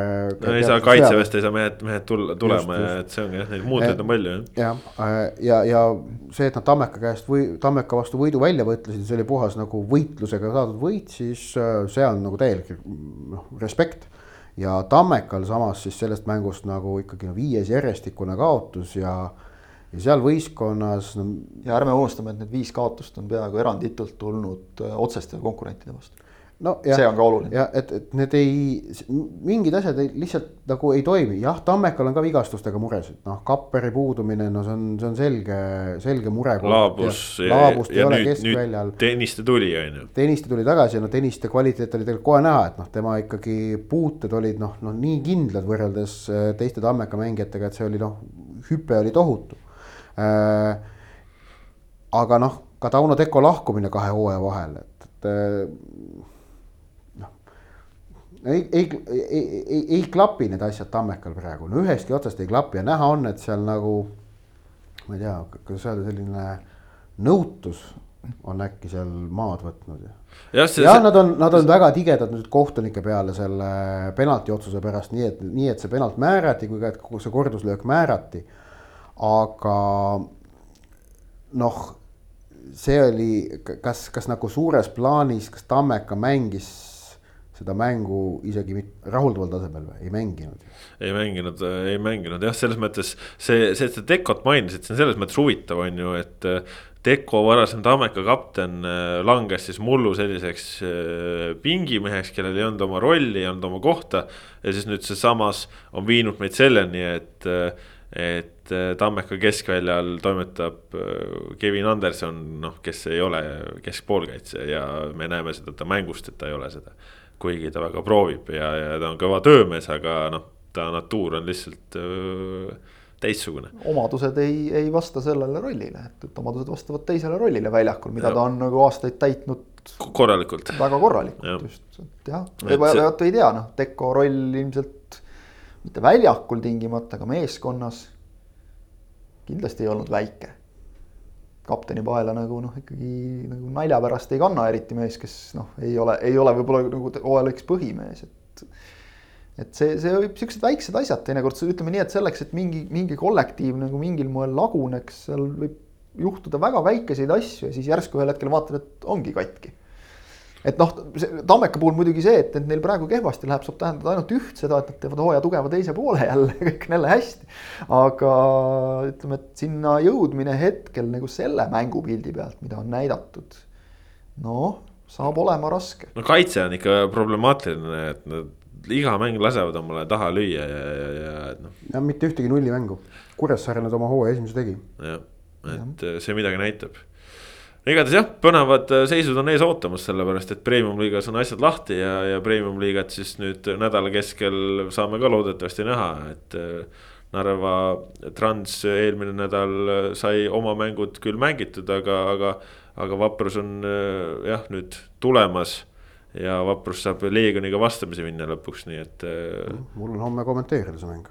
Just ja et äh, mängivad selle ära ja siis nagu öeldud, karika poolfinaalid. soojendus ühe teise kommentaatori olulisele kohtumisele sealsamas kõrval staadionil. jah ja,, karika poolfinaalid. ei saa ma jätta mainimata. karika poolfinaalid sel nädalal siis teisipäeval, kolmapäeval Sokanet tv-s muidugi jagub meile ka esiliigat, mis on nüüd uuesti käima läinud ja intrigeerivalt käima läinud juba täna näeb Tallinna minitervit ja, ja nädala jooksul tuleb neid veel mänge ja nädalavahetusel siis ikka jõuame jälle Premiumi liiga juurde tagasi. jah, näeb ilmselt siis mõndagi Levadia põhimeest või miniterbis. vaadates, kelle, kes siin eelmises mängus mängisid, Dolordava Elhi näiteks, siis. tahaks loota. ma usun, et siin võib Krõstevski mingid minutid saada küll ju, duubli eest. Krõstevski võib saada, aga samas noh, Pajenko ja Ilitš ei saa. Hannes Anier võib ka saada noh, samas ongi. Elhi võib saada. kuna mäng on äh, juba, uus mäng on kolmapäeval on ju. et ütleme, et kes nüüd, kes nüüd siis õhtul mängib, siis noh, võib juhtuda, et homme koosseisus ei ole, võib järeldada. ülehomme jah. ülehomme siis jah ja.. et noh. seda muidugi arvestades ei pruugi seal peaaegu mitte kedagi põhimeestest olla ka jah ja.. No, aga, aga esiliigat tasub vaadata, seal mõned mehed löövad nii et kui ühes mängus lööd kolm, siis järgmises tuleb juba neli lüüa ja. noh, see jah, kui sul on kolme kohtumisega seitse väravat, siis no,. ja, üldse mitte ja. nagu keh-, kehvade vastaste vastu, nii et tundub, et äh, Kevin Mätase eeskuju on Robbie Saaremaale innustavalt mõjunud, nii et Nõmme United jälle põnev ja, ja jällegi väga huvitav mäng oli esiliigas ka ju Kalevi ja, ja Maardu vahel, kes noh, tõenäoliselt on ikkagi selgelt mõlemad kõrgliiga piletipüüdjad ei noh, tasub jälgida. Nagu, need mäng, nagu need mängud kipuvad jääma, et. tasub jälgida, ega seal, ega seal rohkem ei olegi, aga läheme nüüd siit ka meistrite liiga juurde, sellepärast et meistrite liiga poolfinaalid äh, olid ka siis möödunud nädalal kõige selle kodumaise jalgpalli all peidus. tuli pähe, et ka esiliiga B-d tasub jälgida, sest kunagi ei tea, keda väljakul näete aga lähme meistrite liiga juurde, selline tagasihoidlik üritus toimus ka jah, tõesti. just ja, ja City ja Chelsea, inglaste siseasi, City noh, läks BSG vastu tegema seda, mida oli vaja, Peep Guardiola ei mõelnud üle. tegid töö kindlalt, BSG läks närvi, võttis punased, lagunesid täielikult. Chelsea Real, seal oli kõik lahtine viimase hetkeni, Realil oli ühte väravat vaja. aga noh, nagu teame, siis Reali ründemäng on ikkagi teatavalt hambutu. see oligi nagu naljakas, see oli selline nagu naljakas, et oli tegelikult jah, ühte väravat oli vaja, aga kordagi nagu ei olnud seda tunnet, et noh nüüd Vaata, kohe on... äkki nüüd tuleb. aga minu, minul oli just tunne oli selline, et, et, et, et noh, mänguliselt nagu mitte miski ei viidanud sellele, et Real oleks sellele viigiväravale lähedal. aga teadmine, et tegemist on Realiga, hoidis nagu üleval sellist tunnet, et noh ju nad ikka löövad ära ja, kuskilt midagi ikka leitakse. kuskilt ikka Benzema tuleb jälle. aga no tagantjärele muidugi jah, et tegelikult eks ähm, no väga keeruline oli Zidanil Raamost välja jätta ja Hazardit välja jätta, aga tegelikult oli mõlema mehe mängitamine oli viga. ja Raamos on nüüd vigastusega uuesti väljas. nojah, jah, seda ka, aga, aga no see, see, see ta oli, oli nagu.... ta oli seal ikka aeglane ja, ja aeglane mitte selle tõttu. tuli tema pealt ju. jah, mitte selle tema, tõttu. tema lendas välja kaitseliinist, sealt tuli noh mitte selle tõttu, et vanus kiusaks, vaid lihtsalt selle tõttu, et mehel ei olnud olnud vormi absoluutselt. ei saanudki olla. ja noh va, valge vorm oli siis seljas, aga mänguvormi. jah, mänguvormi ei olnud. Hasard oli minu meelest etendas suure osa ajast väga edukalt nähtamatu mehe rolli no selles mõttes no, nagu nat-, natuke võib-olla on talle ka liiga tehtud, et justkui nagu ta poleks, ta poleks proovinud või midagi, et ta oli ju vist suurim jooksja seal, pingutas, proovis seda palli saada, aga ta sai seda Muidu. palli keskjoone juures, kus, kus ta ei ole ohtlik ja. ja kui ta ei ole mänginud, siis ta ei ole ka ohtlik, ehk siis nagu ei saa öelda, et ta ei oleks üritanud, aga noh ka ei, samamoodi, mänguvorm ei ole see. tegu on endiselt mängumehega ja nagu näitas eileõhtune liigamäng, siis vahel tuleb ka osata lihtsalt õiges kohas seista. aga sära ei olnud Reali mängus. et jah, see, olen, oleme Kotiga nõus, et see, see oli kogu aeg just selle Reali nime pealt oli nagu õhus, et nad äkki ikka löövad. aga mänguliselt pigem mitte. et see oli, see ikka, mida tegelikult Tuhhel on Chelsea'ga teinud, see on võimas võimas jah. see on võimas seda. nulli, see nullimängude hulk, see on ikka niivõrd sünge, et noh, nad on, nad on ju sellisel kevadhooajal, kus sul on meistrite liiga tippmängud ja, ja ka no Premier neil... League on, on, on väga keeruline liiga, kus nullimänge teha. Neil, neil oli ju tegelikult oli pärast Tuhheli tulekut äh, nüüd meistrite liiga mängu järel, nüüd Cityl lasti endale üks lüüa. Äh, meistrite liiga, selle Realiga teise poolfinaali järel oli neil vist äh, pärast Tuhheli tulekut lastud endale kümme väravat kõigis sarjades, millest viis lõi West, West Brom mängus, kus Chelsea lihtsalt täielikult lagunes, ehk noh, tööõnnetus. ja, ja, ja no mis, mis on see ikkagi see Tuhheli nüüd see statistika läks, läks nagu liigamänguga veel ilusamaks et noh, Zidanil läks nagu selles mõttes hästi, et Zidane sai vähemalt ühes mängus viigi kätte Tuhheli käest. Kloppid, Guardiolad, Ancelotid, kõik on ainult välja võtnud. et tulla niimoodi poole hooaja pealt, panna see meeskond mängima ja, ja noh, nagu keegi vist Chelsea fännidest ütles ka, et kuulge, sõbrad, et äh, Andreas Kristensoni sisaldava kaitseliiniga läksime praegu meistrite liiga finaali, et saate ikka aru, mida see tähendab mees, kes oli aastaid Chelsea's, noh nagu selline naljanumber natukene. aga tuli meelde selle peale see meistrite liiga finaal, mille Chelsea võitis viimati, kus nad üldse siis viimati mängisid. Ja seal ju tegi meistrite liiga debüüdi, tegi noh, nüüdseks premium-liiga tase või Premier League'i tasemel täiesti korralik mängumees. Ryan Bertrand, kes noh, tollal oli täiesti, täiesti suvaline vend, et Chelsea fännid ka õieti ei teadnud, kes see veel on alustas meistrite liiga finaal ja seal olid ju kõik Terridega alustades ja, ja muude meestega lõpetades, kõik olid väljas ja, ja see ei tähenda. ja, ja noh, kui me tuletame. väike selline enne ajaloost. ja kui me tuletame meelde, mis olid eh, Toomas Tuhheli võib-olla sellised esimesed nagu veidramad teod. Kui ta tuli Chelsea'sse, kelle oligi kaitsemäng oli noh, ikkagi põlenud ta viis treeningutel sisse selle, et hakati treeningutel harjutama väiksemate pallidega. et kaitsjad suudaksid oma nii-öelda tacklingute ajastamise seada täpsemaks. teine asi, mis ründemängu elavdas, ta hakkas äh, treeningutel joonistama siis ütleme väikestes mängudes mitte tavalist ristküllikut väljakuna, vaid rombides, ehk siis mehed mängiksid diagonaalides, otsiksid neid kanaleid.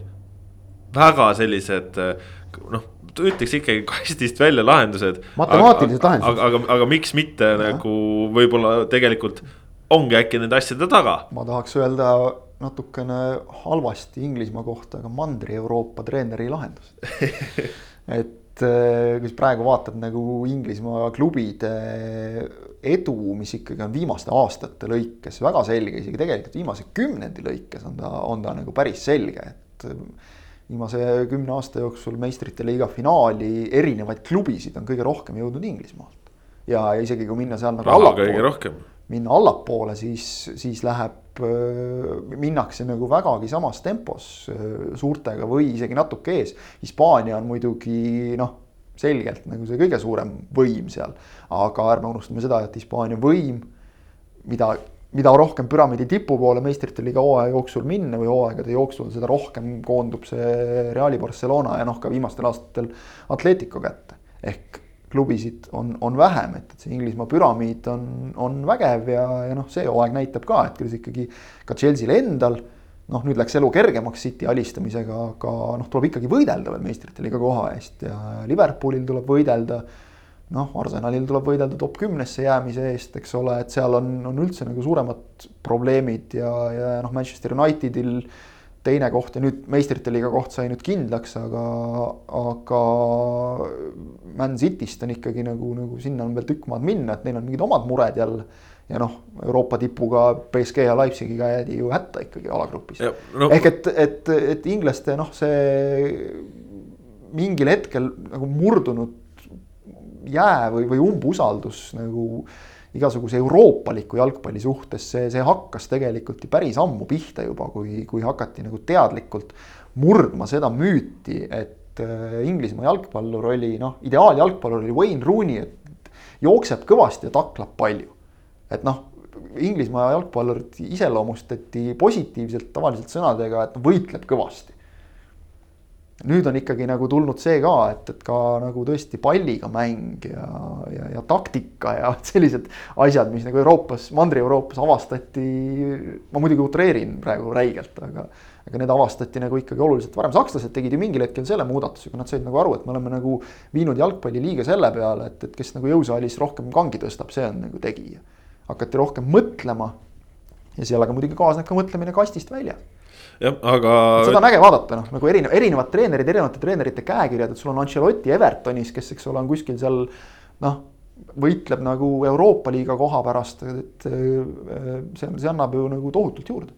ja aga mis puudutab veel meistrite liigat, siis äh, selles mõttes on hea meel, et, äh, et Real ei saanud finaali, sest nüüd võib-olla Florentino Perez saab ka ikkagi aru, et ta ei ole äh, maailma naba mis on nagu sihuke, see on nagu suhteliselt tühine lootus, aga noh, väike gramm, gramm nagu midagi head ikka. ja, ja samas, mis on nagu see halb külg, on see, et äh, meistrite liiga finaal on inglaste siseasi. Äh, see siseasi mängiti ära juba nädalavahetusel mingite poolikute koosseisudega, kus Chelsea alistas City.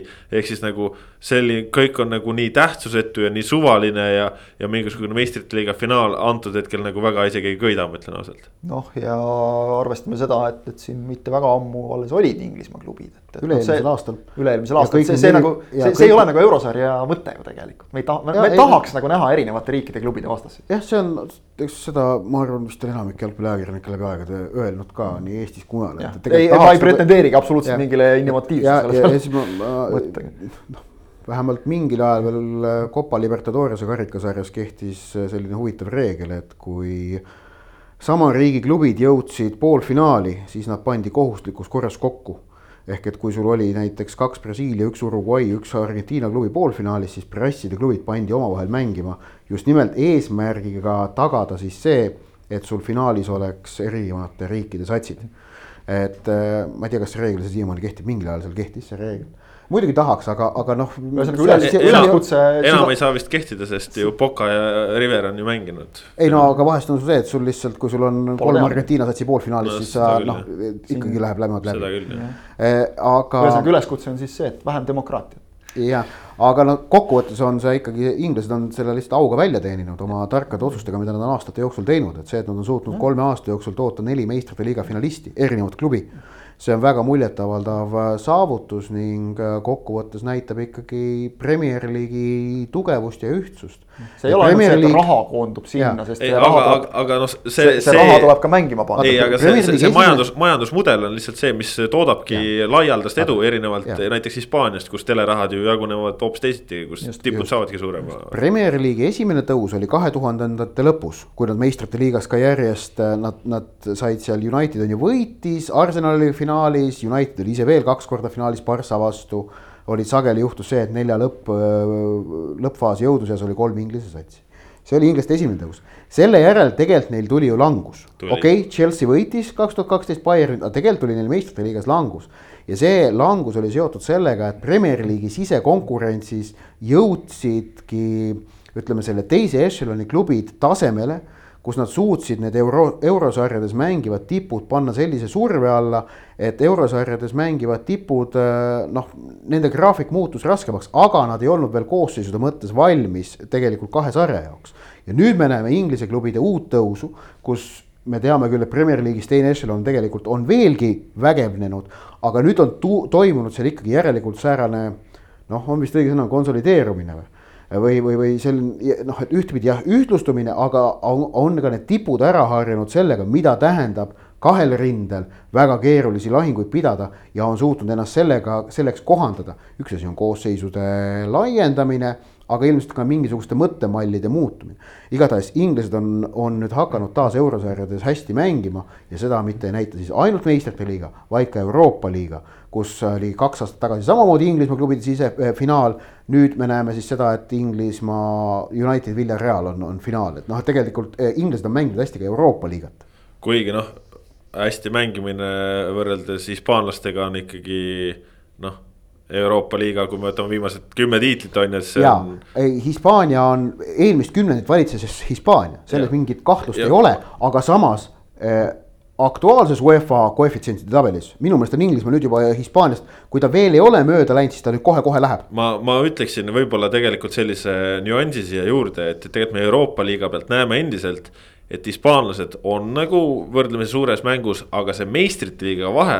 ma ütleks, tuleb mitte ainult ka selle pealt, et inglased on teinud tõusu, vaid Real ja Barca on klubidena tegelikult praegu oma madalamas punktis, nad ei ole nii tipus, nad on mõlemad.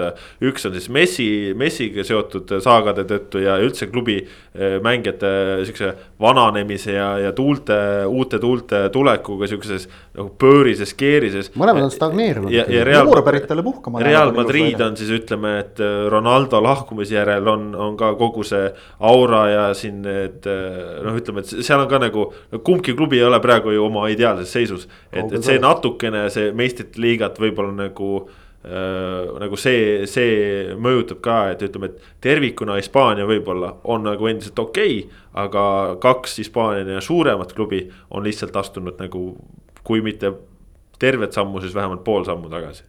isiklik arvamus ja kindlasti, et äh, ei, ei ole nad nii säravad, aga minu meelest neile saatuslikuks sai see, et, et nad hakkasid ise liiga palju mõtlema sellele, et nad on nii säravad.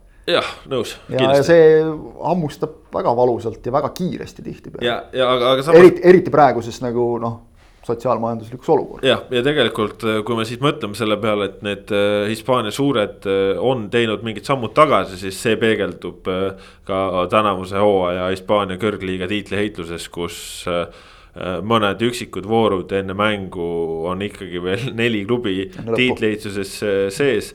ja, ja siin äh, noh, nädalavahetus tõigi siis kaks suurt lahingut, Barcelona võõrustas Atleticot, tegid väravateta, väravateta viigi, mis tähendas seda, et Real Madridil oli vaja kõik ülejäänud hooajamängud võita ja nad oleksid tulnud meistriks, kuigi olukorras et nad olid vahepeal juba oma viikidega, mis nad olid eelnevalt teinud, mänginud ennast lootusetusse seisu. siis nüüd oli variant tulla ja tõusta, aga noh, nagu ma ütlesin juba ka meil äh, toimetuse sees äh, laupäeval, et äh, Real Madrid tõenäoliselt mängib Sevillaga viiki ja täpselt nii pühapäeva õhtul ka juhtus, ehk siis läbi häda seejuures. mitte keegi ei kasutanud ära võimalust midagi tiitliheitluses muuta. oli Barcelonal variant tulla tagasi mängu, oli Atleticul variant rebida eest ära, oli Sevillal võimalik tulla ikkagi medalemängu veel jõulisemalt sisse ja oli võimalik Realil minna oma teed. keegi ei saanud hakkama, kõik on sama meenutab natukene väiksemal skaalal seda aastat, kui Manchester City lõpuks tuli esimest korda Inglismaa meistriks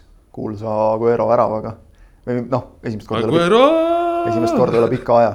ja, ja siis tegelikult seal oli tol hooajal viimases voorus tabeli lõpus oli mingi hirmus kõva andmine eurokohtade, meistrite liiga kohtade peale käis veel mingi madin viimases voorus. Ja siis, kui lõpuks nagu kogu see pull maha rahunes selle meeletu pärastlõuna järel siis hakkasid tabelit vaatama ja tabelist vaatas vastu täpselt sama seis, mis oli enne viimast vooru. ehk mitte midagi ei muutunud, aga emotsioone oli üheksakümne minuti jooksul tabeli all, üleval, keskel, seinast seina.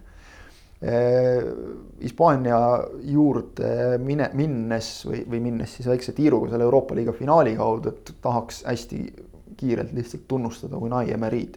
Mitte selle eest, et ta nüüd oma endise klubi Arsenali poolfinaalis kotti pani vaid tegelikult Emery ehitab kolmandat sellist noh, meistrite liiga tasemel võistkonda, sest Villarreal on väga hästi mänginud ka kõrgliigas hooaja teises pooles, Valencia, Sevilla ja nüüd Villarreal. Good evening. good evening. Good evening, tuleb selle peale, just et, et see on. see on siis nali, mida sellega, et Emery äh, inglise keel on selline, et noh, ta ei oska öelda sõna evening, vaid ta ütleb evening ja. siis äh, on sellest kokku lõigatud ilusaid internetivideosid, kus. Äh, kus ta ütleb hästi palju good evening. jah aga, aga. ja Via Reali Twitteri konto teeb selle üle ise suurima heameelega nalja. mis on suurepärane. just. aga Hispaanias jah, see täiesti noh kellel on kristallkuul, ennustage. Kui tahate ennustada, et kes, kes siin nüüd ikkagi selle asja kinni paneb, sest ennekõike on absoluutselt kõik need esineliku klubid näidanud oma oskust komistada no,. seda no, on nad kõige no,. nüüd saab öelda seda, et Sevilla ikkagi ei pane seoses selle, Bilbao käest saadud kaotusega, oleks nad tolle mängu võitnud. oleks nad eile Reali võitnud. ja oleks nad eile Reali võitnud, no oleks. siis oleks olnud ju. Oleks punktiga Realist. ma ütleks, ma ütleks, et Rea, Realil olid ideaalsed võimalused tulla välja. aga nüüd nad on mõnes mõttes kõige keerulisemas seisus, neil on kõige raskem graafik, nad ei oska mänge võita, nad teevad neid nullikaid siis Atleticol on, ütleme selline, et nendel on nüüd endiselt kolm vooru enne on see kahepunktiline edu. aga Atletico on täpselt ka selline võistkond, et kui nad nüüd äh, mängivad seda järgmist vooru Real Sociedadiga ei ole mitte midagi üllatada, kui nad sinna punkte kaotavad. ja siis tuleb meil nurgast FC Barcelona, kelle graafik on varjamatult kõige lihtsam ja lõpuks paneb selle pilli kotti. aga kuidas on Atletico omavaheliste mängude suhe Reali ja Barssaga? mõlemale kaotab, nagu see, nagu Real. aa, et Atletico ühesõnaga, Atletico saab seitse punkti ja. ja Real ja Barssa, emb-kumb võtab üheksa, siis Atletico jääb mõlemal alla. ja et, et, et selles, selles mõttes jah, et, et äh, ei nüüd äh, Äh, Barcelonaga on nad plussis. Barcelonaga on nad plussis, aga Realiga on miinuses. Barcelona äh, häda on, on see, et nad, et nad on miinuses mõlemaga. just. nii Atleticoga, kellega neil on viik ja kaotus no, ja nüüd viik. et no seal on see, et kui, kui Atletico teeb ühe viigi ja võidab kaks võitu, nad saavad kaheksakümmend neli punkti yeah ja see on võimalik nii Barssal kui Realil jõuda sama summani, kui nad võidavad kõik kolm mängu. on ju, et, et seal noh, see on see, et kui, kui Atletico ühe korra libastub, siis Barssat see ei aitaks. ütleme, et kui nad kaotavad, siis. ja kui ma ütlen, kui Atletico libastub viigiga, siis see Barssat ei aita, aga Reali aitab. just, just. Reali, Reali, Reali, Reali üks omavahel on. Real on plussis kõigiga. Reali jah, Reali trump on see, et nad on. kõik saavad kaheksakümmend neli, on Real meister.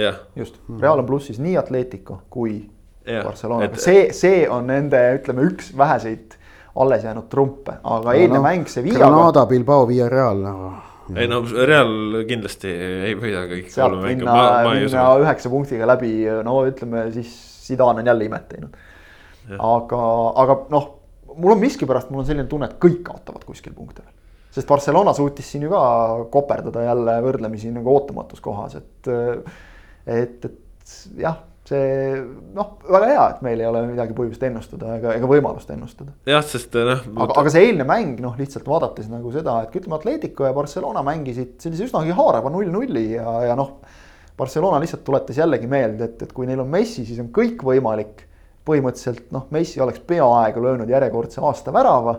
aga ei löönud, sellepärast et Oblak tegi järjekordse peaaegu et aasta tõrje. kui sai näpuotsad löögile vahele, ehk et oli, oli hea mäng, aga noh, mõlemad nagu mängisid korralikult. aga no Real nüüd Sevilla vastu hästi küll ei mänginud kuskilt otsast. Real ei ole tükk aega hästi mänginud. just, viigivärava puhul oli ikkagi ropult õnne, et löök sisse läks. Ja, ja kuigi jälle vaatad statistikat pärast, et noh, meeletult palju rohkem lööke, ka rohkem lööke raamidesse, millega näiteks Chelsea vastu oldi meistrite liigas püsti hädas rünnakute lõpetamine lonkas, aga no ikkagi vaatad, Benzema veab seda meeskonda, noh. Kroos aitab, Modric aitab, mõlemad on täiesti, täiesti läbi, mängivad augude peal, täiesti sodid. see, see nüüd, nüüd ikkagi see vigastuste kriis, see on noh, nagu sööb niimoodi praegu Reali. et äh, jah, põhikoosseis on nagu enam-vähem olemas, aga normaalselt vahetust sinna on noh, mõned mehed. samas jälle teistpidi, ma ütlen, kuidas see mäng oleks võinud minna, kui kui Benzema kaheteistkümnenda minuti värava oleks lugenud, seal Odriozola mingisuguse napis suluseisus oli, poleks seda olnud, oleks juhtvärav kätte saadud. ja mäng oleks tõenäoliselt olnud täitsa teistsugune, et noh no, see.... ja siis me jõuame muidugi selle varrimomendini jälle, et, et kus oli siis see haruldane olukord, kus kohtunik oli. mängiti lihtsa, mängu, mida ei mängitud. kohtunik oli lihtsa dilemma ees, et jah, penalti tuleb, aga kummale poole annan ehk et täitsa veider olukord. kes, kes ei näinud seda olukorda hästi lühidalt, Eder Militao pareeris nurgalöögi käega. mida kohe alguses kohtunik ei näinud, mäng läks edasi, Real tuli kiirelt üle, Karim Benzema jõudis karistusalasse, väravaht tõmbas ta maha. ilmselge penalti, aga siis hakati vaatama Militao kätt. see oli käsi, penalti teisele poole ja tõesti, nagu sa ütlesid, et sisuliselt selline noh, kümmekond sekundit mängust tegelikult nagu seda ei toimunud. et Varr on toonud meile õigluse ja tegelikult läks ju kõik hästi, sest fikseeriti rikkumine, mis ka tõesti oli. Sevilla sai välja teenitud penalti, kõik tegelikult toimis väga hästi. Varr vaatas, ütles kohtunikule, vaata sina ka, kohtunik käis ja vaatas ise ja langetas õige otsuse. aga samas. aga kujutame nüüd ette jälle seda olukorda, kus ütleme, Bono oleks niitnud näiteks Benzema maha, nii et Benzema oleks saanud vigastada.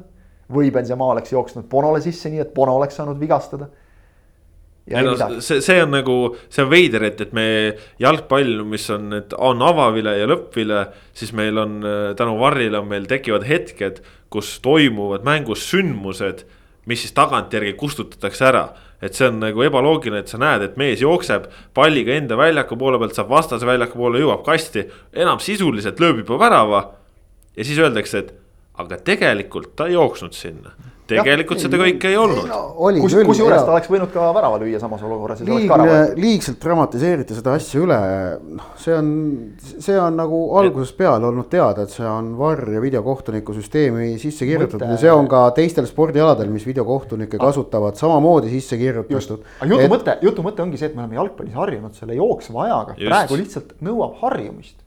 see ka, muud ei olegi et, et. sellepärast tundub nagu, et siin oli midagi nagu ebaõiglast või midagi oli valesti tegelikult ei olnud, kui see asi rahulikult no, lahti vot see ongi see, see ideaal oleks lihtsalt see, et. meie peas lihtsalt. ideaal oleks see, et oleks... kohtunik oleks näinud seda Militao kätt ja kohe vilistanud. Aga samas eh, noh, parem on see, kui see penalti antakse õiglaselt tagantjärele, kui see üldse andmata jäetakse. Eh, ei, seda küll, aga samas eh, ma isegi kipuks arvama, et parem oleks ka see, et mäng peatatakse kinni, kui on vaja mingit asja üle vaadata. ja, aga vaata, siin oleks olnud kohe see olukord, et mäng peatatakse kinni, vaadatakse, et. Militaal ei olnud olnud kätt. Yeah. aga Benzema läks. Äh, no läks, keskringist. Läks, aga siis vaata, ma ütleks, et see, ma ütleks, et see, see on parem. ei ole. ma ütleks, see on parem kui see, et sa hakkad äh, tühistama asju, mis toimusid väljakul no,. ma, et ei, ei jätkuks, et ei jätkuks äh, meie saade järgmised kümme minutit argumentidega on küll, ei ole, siis äh, jääme selle juurde jällegi, nagu ütles üks hea kolleeg kunagi, eks see ole koolkondade küsimus minu meelest on videokohtunik hea asi ja, Ei, jalgpalli, ja jalgpallis on seda rakendatud äh, hästi. ta, ta võib Saaks olla paremini hea. ja saab paremini ja läheb paremaks, aga suures plaanis. ongi vaja paremini. on, on tehtud hästi. ongi vaja paremini. Äh, saate lõpetuseks siis nii palju, et äh, Juventust võib-olla ei näegi meistrite liigas ju. jaa. nojah. kaks korda seal on kaks varianti, kuidas neid ei näe, kas nad ei saa esinelikusse või nad diskvalifitseeritakse. kas hoolitsevad selle eest teised või hoolitsevad nad ise? see on nüüd vaat, see on tarkus, sind ei ja. saa meistrite liigast välja visata, kui sa meistrite liigasse ei jõua